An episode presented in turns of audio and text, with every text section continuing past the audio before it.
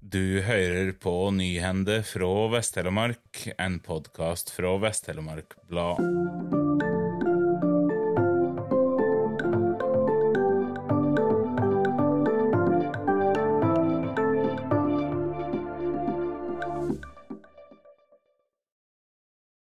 To ganger sa et samrøstes Fyresdal formannskap nei til søknaden fra bonde Thomas Rekvik om tilskudd på 125 000 kroner til fôringsanlegg. Da klaga kom til kommunestyret, ble det samrøstes ja til løyvinga. 14.6 tilrådde kommunedirektøren formannskapet å løyve 125 000 kroner i investeringstilskudd til fôringsanlegg på Thomas Rekvik sin gard Sikkje Søndre. Et samrøstet formannskap avslo søknaden om tilskudd med grunngjeving i at investeringa ikke er i tråd med reglene og får tilskudd fra Næringsfondet, punkt 3. Det skal legges vekt på tiltak som gir øke i tallet på arbeidsplasser, på kompetansen, gjennomføringsevna og erfaringa til søker. Om tilskuddet gir utløsende effekt på prosjektet, skal dette også legges vekt på. Politikerne nevnte ellers at det nye anlegget er løsøyre, lett omsettelig vare, og slik blir det ikke gitt tilskudd til. Rekvik klaga på vedtaket. Han opplyste at om ikke investeringer i det nye anlegget blir gjort, er det stor sannsynlighet for at de må seie opp den ansatte som er i 60% stilling i gardsdrifta.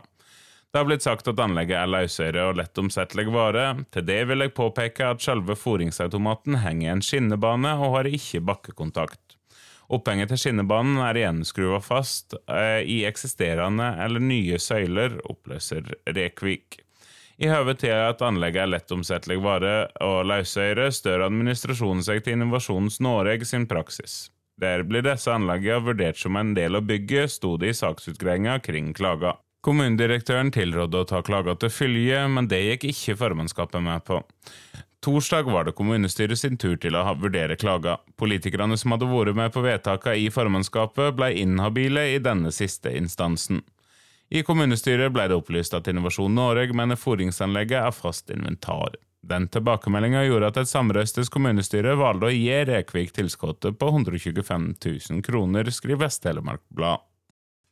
Høsten 2019 solgte Kviteseid kommune et industriområde i Brunkeberg til Morgedal Eiendom. To år senere kjøpte virksomheten ei fem mål stor tomt av kommunen mellom kyrkja og brygga i Kviteseid. Her er planen å sette opp flere bosteder. Firmaet bør bruke overskuddsmasse fra industriområdet til å fylle ut i vannet, slik at det blir større areal. Kommunen setter tre vilkår for salg av tomta i Kviteseid sentrum. Utbygger skulle utarbeide og få godkjent en reguleringsplan, byggesøke tiltaket og sørge for nødsynte løyver til å fylle masse i vannet. De hadde ett år på seg til å oppfylle disse vilkårene. Etter ett år var ikke vilkårene oppfylt. Margedal Eiendom søkte da om ett års utsetting, noe de også fikk. Fristen gikk ut 1.9. i år. Ordfører Bjørn Norskog forteller at Kviteseid Kristelig Folkeparti har stilt kommunen spørsmål om vilkårene er oppfylte, og at det vil bli et sak for kommunestyret. Styreleder i Margedal Eiendom, Rune Landsverk, sier der at dialog med kommunen og at prosessen har gått som planlagt. Ordfører Norskog håper at prosjektet blir en realitet, og sier han mener det er viktig for Kviteseid kommune. Landsverk gir også det. Vi tenker å realisere planene, forteller han til Vest-Telemark Blad. Kommunestyret får saka på sitt bord 12. oktober. Mandag starta Bokkene Bruse lekebue med opphørssal. Jeg er utrolig lei meg og håpa vi skulle klare oss til med flytte, men nei, sier innehaver Aud Trovatn til Vest-Telemark Blad. Hun har også hatt klær, sko, vesker, interiør og kontorrekvisitter i forretningskonseptet som holder til i Brattlandsbygget i Åmot. Jeg regner med å beholde litt klær, fortalte Rovatn. Hun har prøvd å finne løsninger for å kunne videreføre drifta fram til flyttinga ned til det nye handelshuset som skal erstatte dagens forretningsbygg, og har snakka med både utleiere og kommunen. Næringssjefen er en fantastisk mann og ville så gjerne hjelpe, men fant liksom ikke noen knagg å henge det på, forklarer Trovatn. En mulighet er å søke stønad for å starte opp igjen lekeavdelinga i nybygget. Men det orker vi nok ikke, vedgår Trovatn, og synes situasjonen er fortvilende. For selv om det er få forretninger som tilbyr leker i området, er det likevel låg etterspørsel etter varene, og er ikke i tvil om hva som er årsaka til det. Jeg synes det er så moro å drive bu, men folk må bruke oss. Netthandelen tar livet av oss. Det skal så lite hjelp til for at vi kunne drive videre og komme oss inn i et nytt bygg, forteller Trovatn.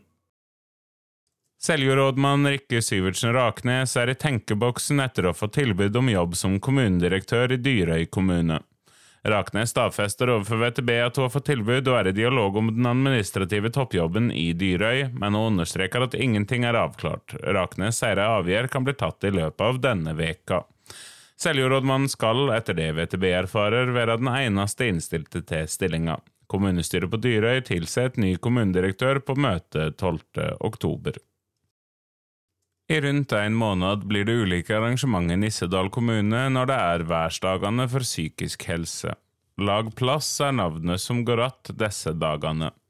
Det er søkelys på hvorfor det er så viktig med inkluderende samfunn. Løfte blikket og prøve å inkludere alle, forteller kultursjef Anne Margrethe Espelit til Vest-Telemark Blad om værsdagene, som også har en bevisstgjøring på at alle har ei psykisk helse. Det blir arrangement tilpasset mange ulike grupper. Ønsker å ha et tilbud til alle, sier Renata Hassel, daglig leder i Nissedal frivillighetssentral. Hele tolv personer er med i gruppa som har laga programmet for værsdagene. 25.9 besøkte de ansatte i psykisk helse i kommunen voksenopplæringa og fortalte om værsdagene. I løpet av den neste måneden blir det bl.a. filmfremsyninger, vandringer og markering av eldredagen med prostidiakon Eilev Erikstein og filosof Henrik Syse.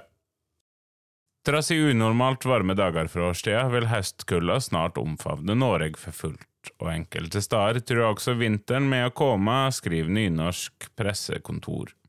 Starten av høstferien byr nemlig på det som kan bli den siste varme helga i år, ifølge Meteorologisk institutt.